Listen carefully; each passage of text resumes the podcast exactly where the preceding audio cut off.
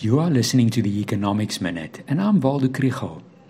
Over the last few days, the news has been dominated by the Omicron variant of the coronavirus and the sound of borders closing. Last night, President Ramaphosa kept the country on lockdown level 1 and spoke out strongly against the travel ban imposed by many countries. But what could be the impact of the new variant on the economy?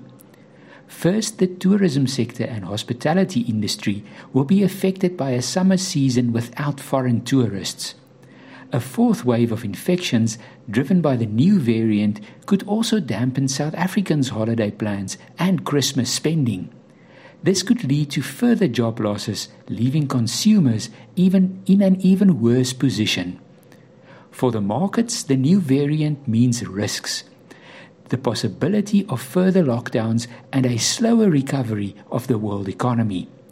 This is bad news for emerging market currencies and stock markets. But slower growth is taking a little pressure off the oil price and may slow rising inflation. Important economic data will be released this week. There's Absa's Purchasing Managers Index, new car sales, and the third quarter labor force survey. Stay tuned.